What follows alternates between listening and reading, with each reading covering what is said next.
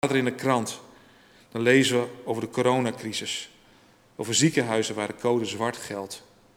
Waar IC's vol liggen met mensen die op het randje van het leven en sterven gewoon bungelen. Heer, wees daar aanwezig. Wilt u lichaam, geest en ziel zegenen van hen die daar zijn en verpleegd worden. Van mensen die in de wachtkamer zitten omdat ja, de IC's vol liggen. En zij misschien ook gewoon wachten op een behandeling die ook urgent is in hun leven. Heer, ontferm u over hen. Christus, ontferm u. Ontferm u voor het personeel. Ik geef wijsheid aan hen om keuzes te maken. Rust hen toe om datgene wat nodig is in de verpleging, in de chirurgie, in de verzorging, om dat goed ook te kunnen doen. Heer, ontferm u. Christus, ontferm u over hen. We bidden voor degenen die geslagen zijn door de toeslagenaffaire. Die in financiële nood zijn gekomen, maar soms ook in nood in hun relatie, in hun gezin, in hun woonsituatie. Heer, hopeloos zijn. Heer, en vermorzeld bijna zijn in het systeem van, van ons land. We bidden dat uw genade daar ook uitkomst mag geven. Niet alleen geld, Heer, maar ook aandacht en zorg voor hen. Ja, Christus, ontferm u over hen. Heer, ontferm u.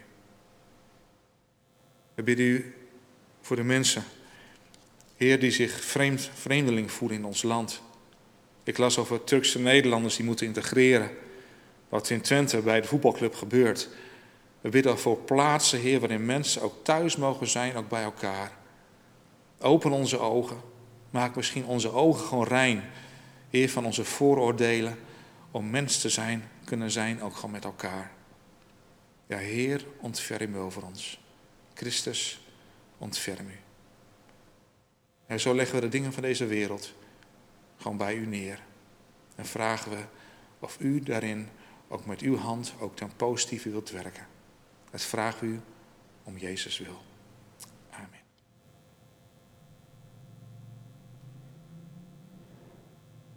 We gaan samen luisteren en kijken naar het voorbedenlied, gezongen door Sela.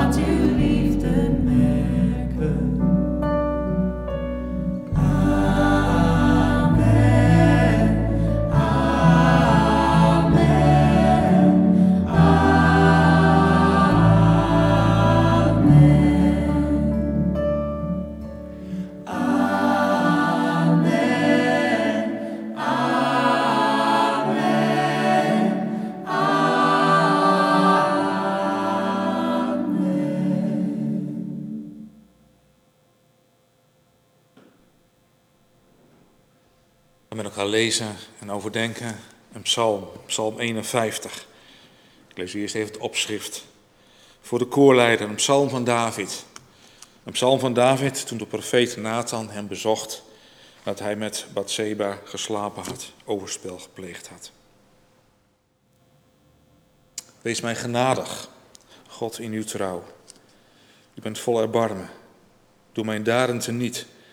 Was mij schoon van alle schuld. Reinig mij van mijn zonde. Ik ken mijn wandaden. Ik ben mij steeds van mijn zonden bewust. Tegen u, tegen u alleen heb ik gezondigd. Ik heb gedaan wat slecht is in uw ogen. Laat uw uitspraak rechtvaardig zijn en uw oordeel zuiver. Ik was al schuldig toen ik geboren werd, al zondig toen mijn moeder mij ontving. Maar u wilt dat waarheid mij vervult. U leert mij wijsheid, diep in mijn hart. Neem met majoraan mijn zonde weg en ik word rein. Was mij, ik word witter dan sneeuw. Laat mij vreugde en blijdschap horen. U hebt mij gebroken, laat mij ook juichen. Sluit uw ogen voor mijn zonde en doe heel mijn schuld teniet. Schep, o God, een zuiver hart in mij. Vernieuw mijn geest, maak mij standvastig. Verban mij niet aan uw nabijheid. Neem uw heilige geest niet van mij weg. Red mij. Geef mij de vreugde van vroeger, de kracht van een sterke geest. Want dan zal ik verdwaalden uw wegen leren en zullen zondaars terugkeren tot u. Ja, u bent de God die mij redt. Bevrijd mij, God, van de dreigende dood en ik zal juichen om uw gerechtigheid. Ontsluit mijn lippen, Heer, en mijn mond zal uw lof verkondigen. U wilt van mij geen offerdieren. In brandoffers schept u geen behagen. Het offer voor God is een gebroken geest. Een gebroken en verbrijzeld hart zult u God niet verachten. Wees Sion welgezind en schenk het voorspoed. Bouw de muren van Jeruzalem weer op.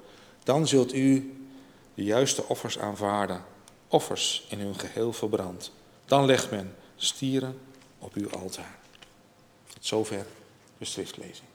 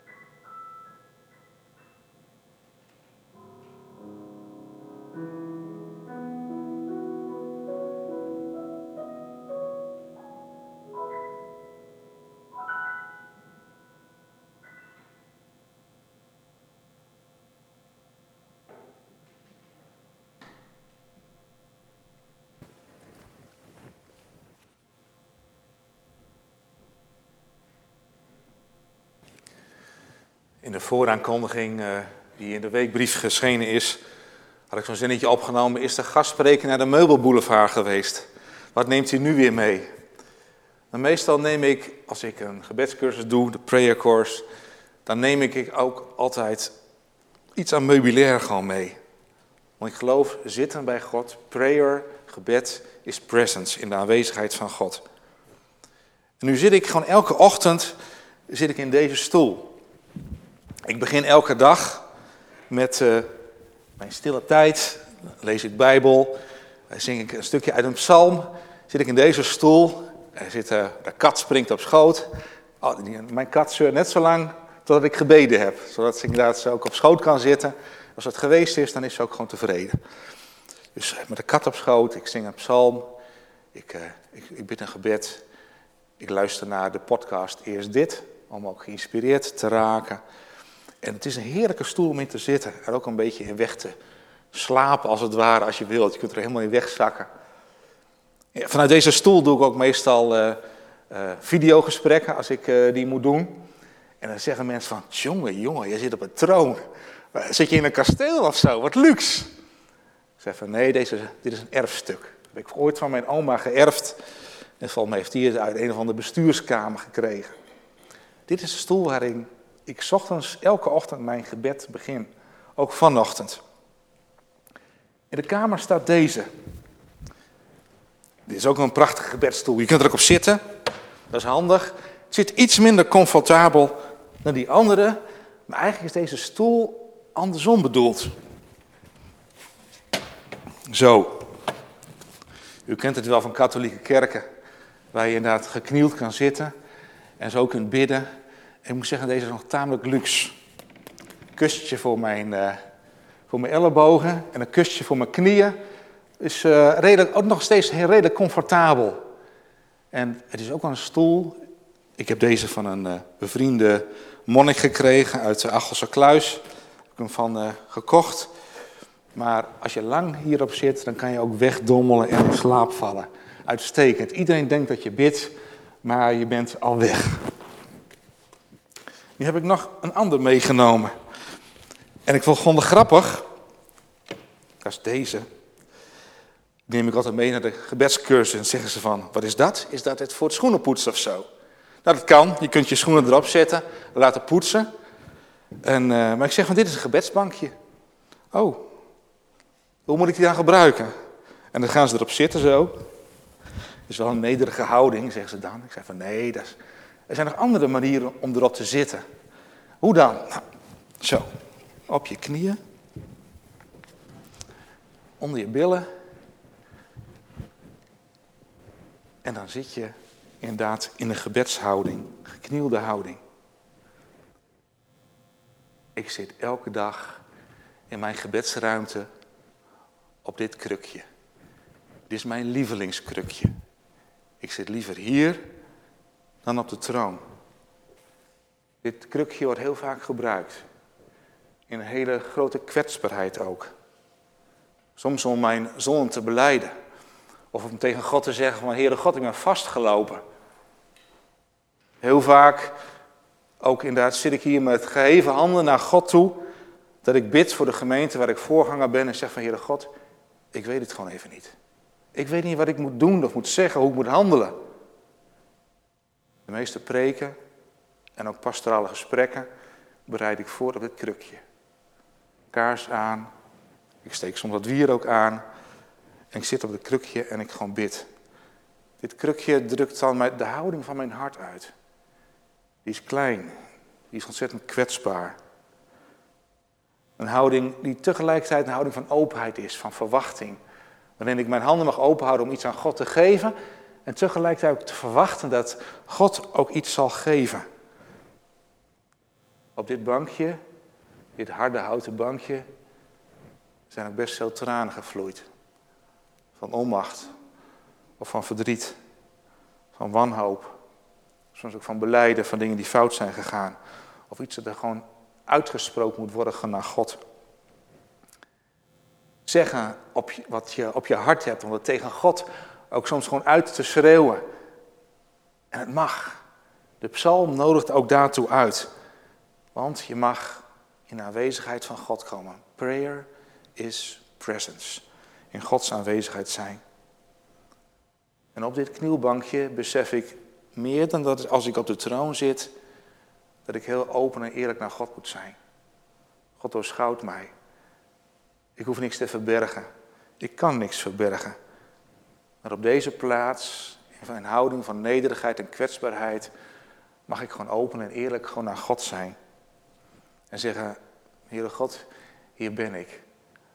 En ik geloof en ik weet dat God er ook is op dat moment. Dat Hij ook tegen mij zegt van, oké, hier ben ik ook. Hier zijn we samen. Prayer is presence. Zo te beginnen met gebed. Op dit krukje is vaak mijn ontmoeting gewoon met God. In een houding van verootmoediging. In een houding waarin ik gewoon mezelf klein maak. Een houding die we ook terugvinden in de psalm die we net gelezen hebben. Psalm 51. Verootmoediging. Nou, David had alle reden om te knielen, om klein te worden. Overspel gepleegd met Bathseba. Inderdaad, uh, echtgenoot van Bathseba om het leven gebracht. Die scheve schaats. Alle reden om zich te verootmoedigen, om klein te worden. Ik wil dan samen door eens, eens door die Psalm 51 gewoon heen gaan. Ja, en niet om te theologiseren. Mijn moeder heeft mij in zonde ontvangen, daar is heel wat over te zeggen. Niet om inderdaad u met uw eigen zonde te confronteren. U weet zelf het best wat daarin dwars gaan zitten in uw leven. Maar ik zou u willen meenemen in de beweging van deze psalm. Er zit een opgaande beweging in psalm 51, die we samen met elkaar ook in beeld willen brengen.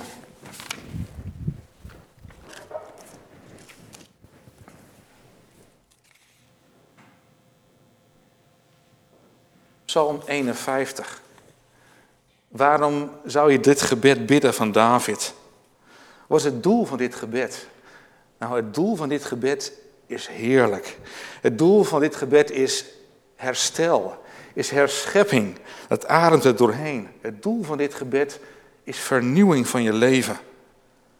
Dat je tegen God zegt, werk maar met uw heilige geest helemaal in mij. In alle kamers van mijn leven. Ook in de kamers waar het moeilijk is, waar ik worstel. Deze psalm is heerlijk, want die werkt aan het herstel van lofprijs in ons leven. En dat is de beweging die deze psalm maakt. Van diep geknield naar staande in lofprijzing gewoon aan God. En dat is een vrijheid die God ons geeft. En een vrijheid die God ons ook gewoon gunt en voorhoudt. Verlost te zijn van een molensteen van, van zorg of van iets wat gekweld, wat jou kwelt. Van de baksteen die op je maag ligt. Dat is de beweging van Psalm 51. Van op de knieën naar juichend voor de troon van God. Het begint op dat knielbankje. David is gebroken. En hij weet het, hij beseft het. Hij voelt het zelfs in zijn lichaam. Hij spreekt het uit. En David doet als het ware in deze psalm, deze verootmoedigende psalm, doet hij troonsafstand. Ja, als de profeet Nathan hem de spiegel voorhoudt en hij daarin kijkt, dan weet hij dat hij fout geweest is. En hij kan niks anders doen als het ware inderdaad het ontslag aanbieden van zijn kabinet. Het kabinet van David. Dat is zijn macht, zijn ego, zijn ik heb recht op ik heb recht op alles wat ik wil hebben. Ik heb recht op die vrouw. Ik heb recht op het leven van Uria. Ik heb. Het ging alleen om zijn wil. En dat kabinet van David is gevallen. Als ik in de spiegel kijk, als ik mijn eigen hart zou onderzoeken, wat leeft daar? Vraag me wel eens af van waarin moet ik zelf in het reine komen met God? persoonlijk, of misschien wel in het reinen komen met andere mensen. Over iets wat ik gezegd heb of gedaan heb. Of iets wat een ander mij heeft aangedaan of gezegd heeft. Gebeurtenissen in mijn leven die botsing hebben gegeven of wrijvingen. Zeg eens eerlijk, hoe ben ik daarmee omgegaan? Welke stemmen spreken in de kamers van mijn hart? In het pastoraat kom ik zoveel boosheid, teleurstelling, verdriet en ook gewoon pijn tegen. Ook verwijt. Is eigenlijk allemaal in één woord te vatten. Het is afstand. Mensen nemen afstand van elkaar. Soms neem je afstand van jezelf. Of afstand naar God. Ik zie tronen van mensen. En op die tronen zit mijn gelijk. Of mijn wil. Of mijn bitterheid. Misschien ook wel mijn teleurstelling. Hoe mensen daaraan kunnen vasthouden. En daar niet meer van loskomen. Is dat wat God wil? Is dat ook de gemeenschap, de koinonia, die God voor ogen heeft in een gemeenschap waar men botst en wrijft? Soms kan je zo vastzitten in je, laat ik maar even noemen, heel eenvoudigweg slachtofferschap van oud dingen die geweest zijn. En ik denk dat God wil dat we van slachtoffer dader worden. Een dader zoals David, die in Psalm 51 uitstapt. David wordt in de Bijbel een man naar Gods hart genoemd. Niet omdat hij zo goed was. Zijn fout wordt hier ruimschoots beschreven. Maar David is een man naar Gods hart omdat hij zich verootmoedigde. Omdat hij durfde te knielen op het bankje. Dat hij terug durfde naar God en durfde beleiden. Ook wij mogen die weg van Psalm 51 gaan. Van de troon af naar het knielbankje. Want op dat bankje ervaar ik dat ik alle angst mag afleggen. Dat ik in volledige overgave aan God mag zijn. Met al mijn fouten, mijn pijn en mijn verdriet. Mag ik een beroep doen op God die. Je zou op Psalm 51 eens moeten langslopen. Op alle kenmerken van God. Dan weet je op wie je een beroep doet. Het helpt je ook om je over te geven. In vers 3 doet David een beroep op de genade van God. En op de trouw van God. In de Narense vertaling staat heel mooi beschreven op de vriendschap van God. God is een relatiegod die is met ons wil. Wij gaan hem aan het hart. Een God die vol erbarmen is, staat hier. Overvloedig in ontferming. Een God aan wie je blijkbaar mag en kunt vragen: Heere God, was mij schoon, maak mij rein. Je mag het gewoon vragen. Hij nodigt ons uit om dat te doen. Deze psalm is een uitnodiging om opnieuw te beginnen. Om witter dan wit te worden, met een schone lei. Ik weet niet welk wasmiddel het is, die daar nog steeds reclame voor maakt, maar dat is wat God belooft. En hij nodigt ons uit om daar gebruik van te maken. Maar hij vraagt wel van ons eerlijkheid. Onder ogen zien waar het schuurt ook in ons leven. En David zegt het heel eerlijk. Zijn hart komt over zijn lippen. Hij brengt het in het licht. Hij geeft er lucht aan als het ware. Hij zegt in vers 5. Ik ken mijn wandaden. Ik ben nog steeds mij van mijn zonde bewust. In andere vertalingen staat het veel scherper. Steeds ziet wat ik begaan heb mij aan. Of in de Nadense vertaling, mijn zonde heb ik tegenover mij voortdurend. Het is een tegenover. En God wil daarvan vrijmaken. Noem het bij naam. Spreek het uit, zoals David dat deed.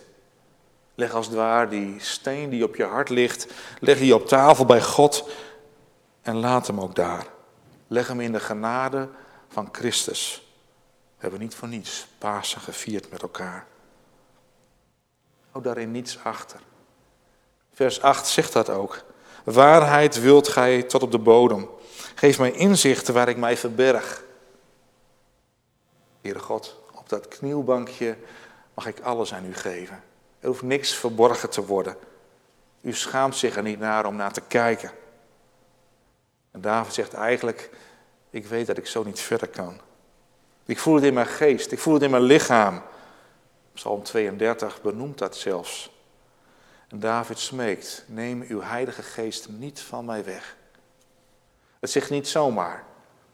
Een koning die kreeg de heilige geest om te kunnen besturen. Om dat te kunnen doen waarvoor hij aangenomen was. Als hij die geest niet had, zou hij zijn koningschap niet waar kunnen maken. Neem uw Heilige Geest niet van mij weg. En hij besluit te beleiden, te pleiten op een God die trouw is en genadig. Een God die recht doet over de situatie. Een God die recht doet ook over het leven van een ander. Het oordeel is aan God. Aan het slot wordt gesproken over het offer. En iets offeren betekent ook iets loslaat, iets geeft. Dat mag je offeren. Er staat hier een gebroken hart, een verbroken hart, een verbroken geest. Inderdaad, veracht gewoon hij niet. Het offer voor God is een gebroken geest. Een gebroken en verbrijzeld hart zult u, o God, niet verachten. Met die houding zit ik vaak op dat knielbankje. Houding van berouw, houding van openheid en houding van ik weet het gewoon niet meer. Aan God vragen, Heere God, wilt u de schuld teniet doen? De schuld van mij, maar ook de schuld van een ander. Wilt u het in deze woorden van het psalm uitdelgen, schoonwassen? Was mij, was ons schoon. Wij mogen het vragen aan God. En dan zie je die beweging in deze psalm. De opstanding, de vrijheid die gaat komen. Laat ons weer juichen voor uw aangezicht. Laat ons, laat mij weer lof zingen. In deze psalm zie je dat effect. Dat als je er lucht bij laat, als je het licht van Christus in laat komen, dat er ruimte ontstaat. Dat God kan vernieuwen. Dat er iets nieuws in ons ontvlamt.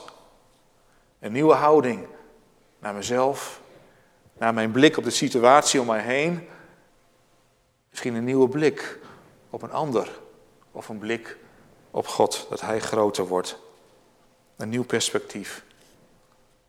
Veel van mijn preken worden geboren op dat bankje. Ook de preek van vandaag heeft zijn oorsprong gewoon daar. Dat ik daar zat, dat ik weet dat ik ergens heen ga en aan God vraag: Heer, waar mag ik het over hebben? En dan komen die gedachten, dan komen die ideeën, de ingevingen. Dan er een paar zinnen, een thema. Weet u, op dat bankje, als wij knielen, als het onze houding is, letterlijk of figuurlijk in ons hart, dan mogen we in vrijheid en onbevangenheid ervaren dat we ook verder kunnen in het leven. Dan mogen we opstaan. Dat is de zegen van dat kleine krukje. Weet u, en als je op dat kleine krukje zit, dan mag je uiteindelijk weten dat je het plus van die troon ook mag ervaren. Dat God ons laat opstaan. Nu heb ik twee kleine knielbankjes. De hardhout heb ik u laten zien. Maar de monnik waarmee ik bevriend was, die zei van... Ja Martin, dat kan ik jou toch niet aandoen. Ik heb speciaal voor jou een soort kruising gemaakt tussen die troon en het bankje. Ik heb er een lekker tapijtje voor je opgelegd, zodat je zachtjes zit en wat comfortabeler kunt bidden. Nou, ik gebruik ze allebei, om en om, op die manier gewoon bij God te komen en van Hem te ontvangen nieuwe vrijheid in ons leven. Amen.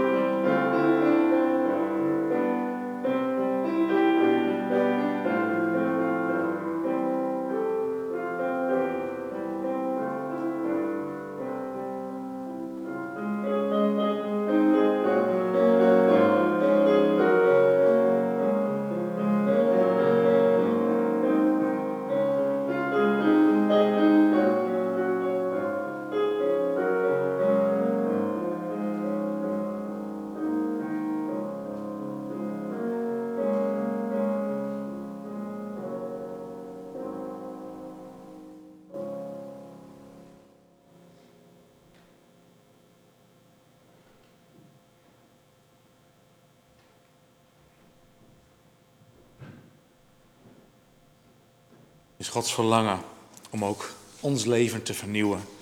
En ik geloof dat gebed een instrument van God is om inderdaad dat ook te laten gebeuren gewoon aan ons. We gaan luisteren naar een muziekstuk van Sela. U bent aanwezig.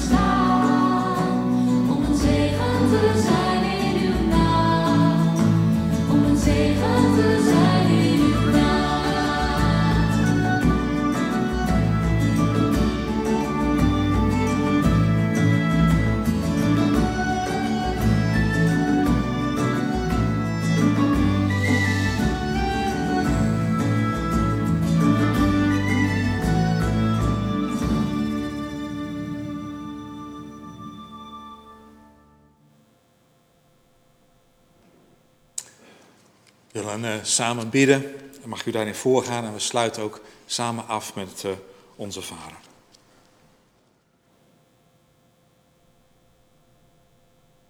We willen aansluiten bij de woorden van dit lied. Maak ons hart een huis waar uw liefde woont. Er zit zoveel in het ene zinnetje. Het spreekt zo van verlangen dat u in ons wilt wonen, dichtbij ons wilt zijn in vriendschap met ons wilt optrekken. Dank u wel voor die tegemoetkoming, voor dat zijn, voor die betrokkenheid bij ons leven. En zo willen we u uitnodigen om met uw liefde in ons te komen.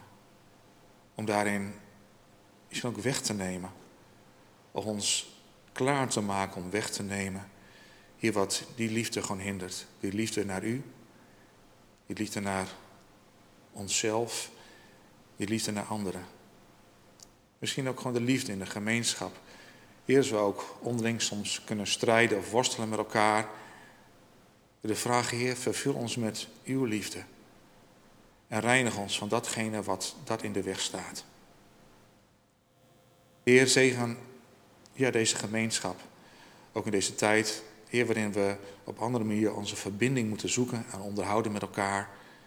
Heer, mogen we daar alert op zijn. Wilt u met uw geest ons in gedachten brengen? Wie we eens mogen bellen, schrijven, of langs mogen gaan, mogen uitnodigen. Wilt u met uw geest in gedachten brengen degene die u mogen bemoedigen of mogen aanmoedigen? We bidden, Heere God, dat u ook in ons persoonlijk leven, in ons eigen huis, ook die vrede brengt. Een vrede die alle verstand te boven gaat, die zelfs boven onze eigen onmacht uitgaat. Aan het kruis, Heer Jezus Christus, hebt u elke strijd, elke dood, heeft u overwonnen. En we bidden, Heer, dat u zo elke tegenstander overwint die de liefde in ons eigen huis ook belemmert. We mogen aan u voorleggen de gebeden, de zorgen, die ons ons persoonlijk leven ook bezighouden. En mogen in het moment van stilgebed ook die ook aan u voorleggen.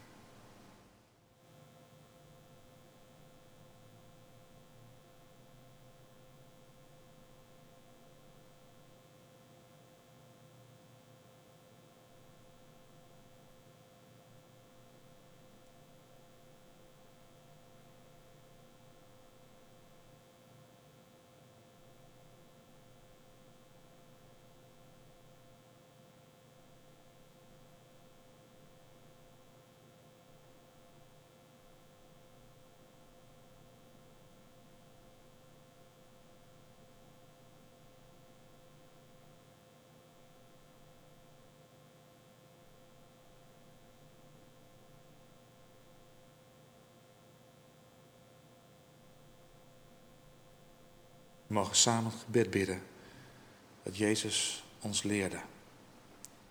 Onze Vader in de hemelen zijt. Uw naam worden geheiligd. Uw koninkrijk komen. Uw wil geschieden in de hemel als ook op de aarde. Geef ons heden ons daags brood. En vergeef ons onze schulden, gelijk ook wij vergeven onze schuldenaren. En leid ons niet in verzoeking, maar verlos ons van de boze. Want van u is het koninkrijk en de kracht en de heerlijkheid tot in eeuwigheid. Amen.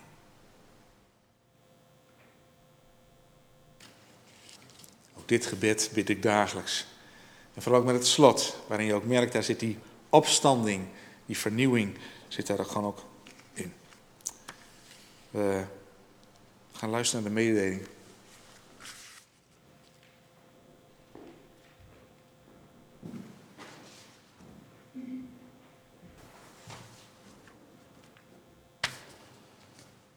Allereerst wil ik nog ik, even Ben Harmsen bedanken. En, uh, want ik heb je niet genoemd bij de afkondiging, maar uh, was ik even vergeten, wil ik even rechtzetten. Bedankt voor je mooie spel tijdens deze dienst. Dan de mededelingen van de diaconie. Post Bloemen hierachter. Die gaat uh, deze week als felicitatie naar de familie Kuhn Potman. Want die hopen dinsdag 65 jaar getrouwd te zijn. Dus vanaf ja, vanuit de gemeente van harte gefeliciteerd alvast. Dan de collectors voor deze week. De eerste is voor de plaatselijke diaconie. We zullen er zo even een filmpje van laten zien wat eh, de diaconie zoal doet. En ook met als uitnodiging van, uh, kom eens bij ons langs, kom eens kijken wat we doen en hoe we dat doen. En de tweede collecte is voor uh, algemeen kerkenwerk. Nou, dat is ook een aan te bevelen, dat is wat geld wat we nodig hebben om deze kerk gewoon draaiende te houden. Um, ook in deze tijd zelfs met de filmapparatuur en alles wat we daarvoor doen. Dus ook dat is belangrijk. Dus beide collectes van harte bij u aanbevolen. U kunt het doen via de bankrekeningnummer of via de Gift-app. Dank u wel.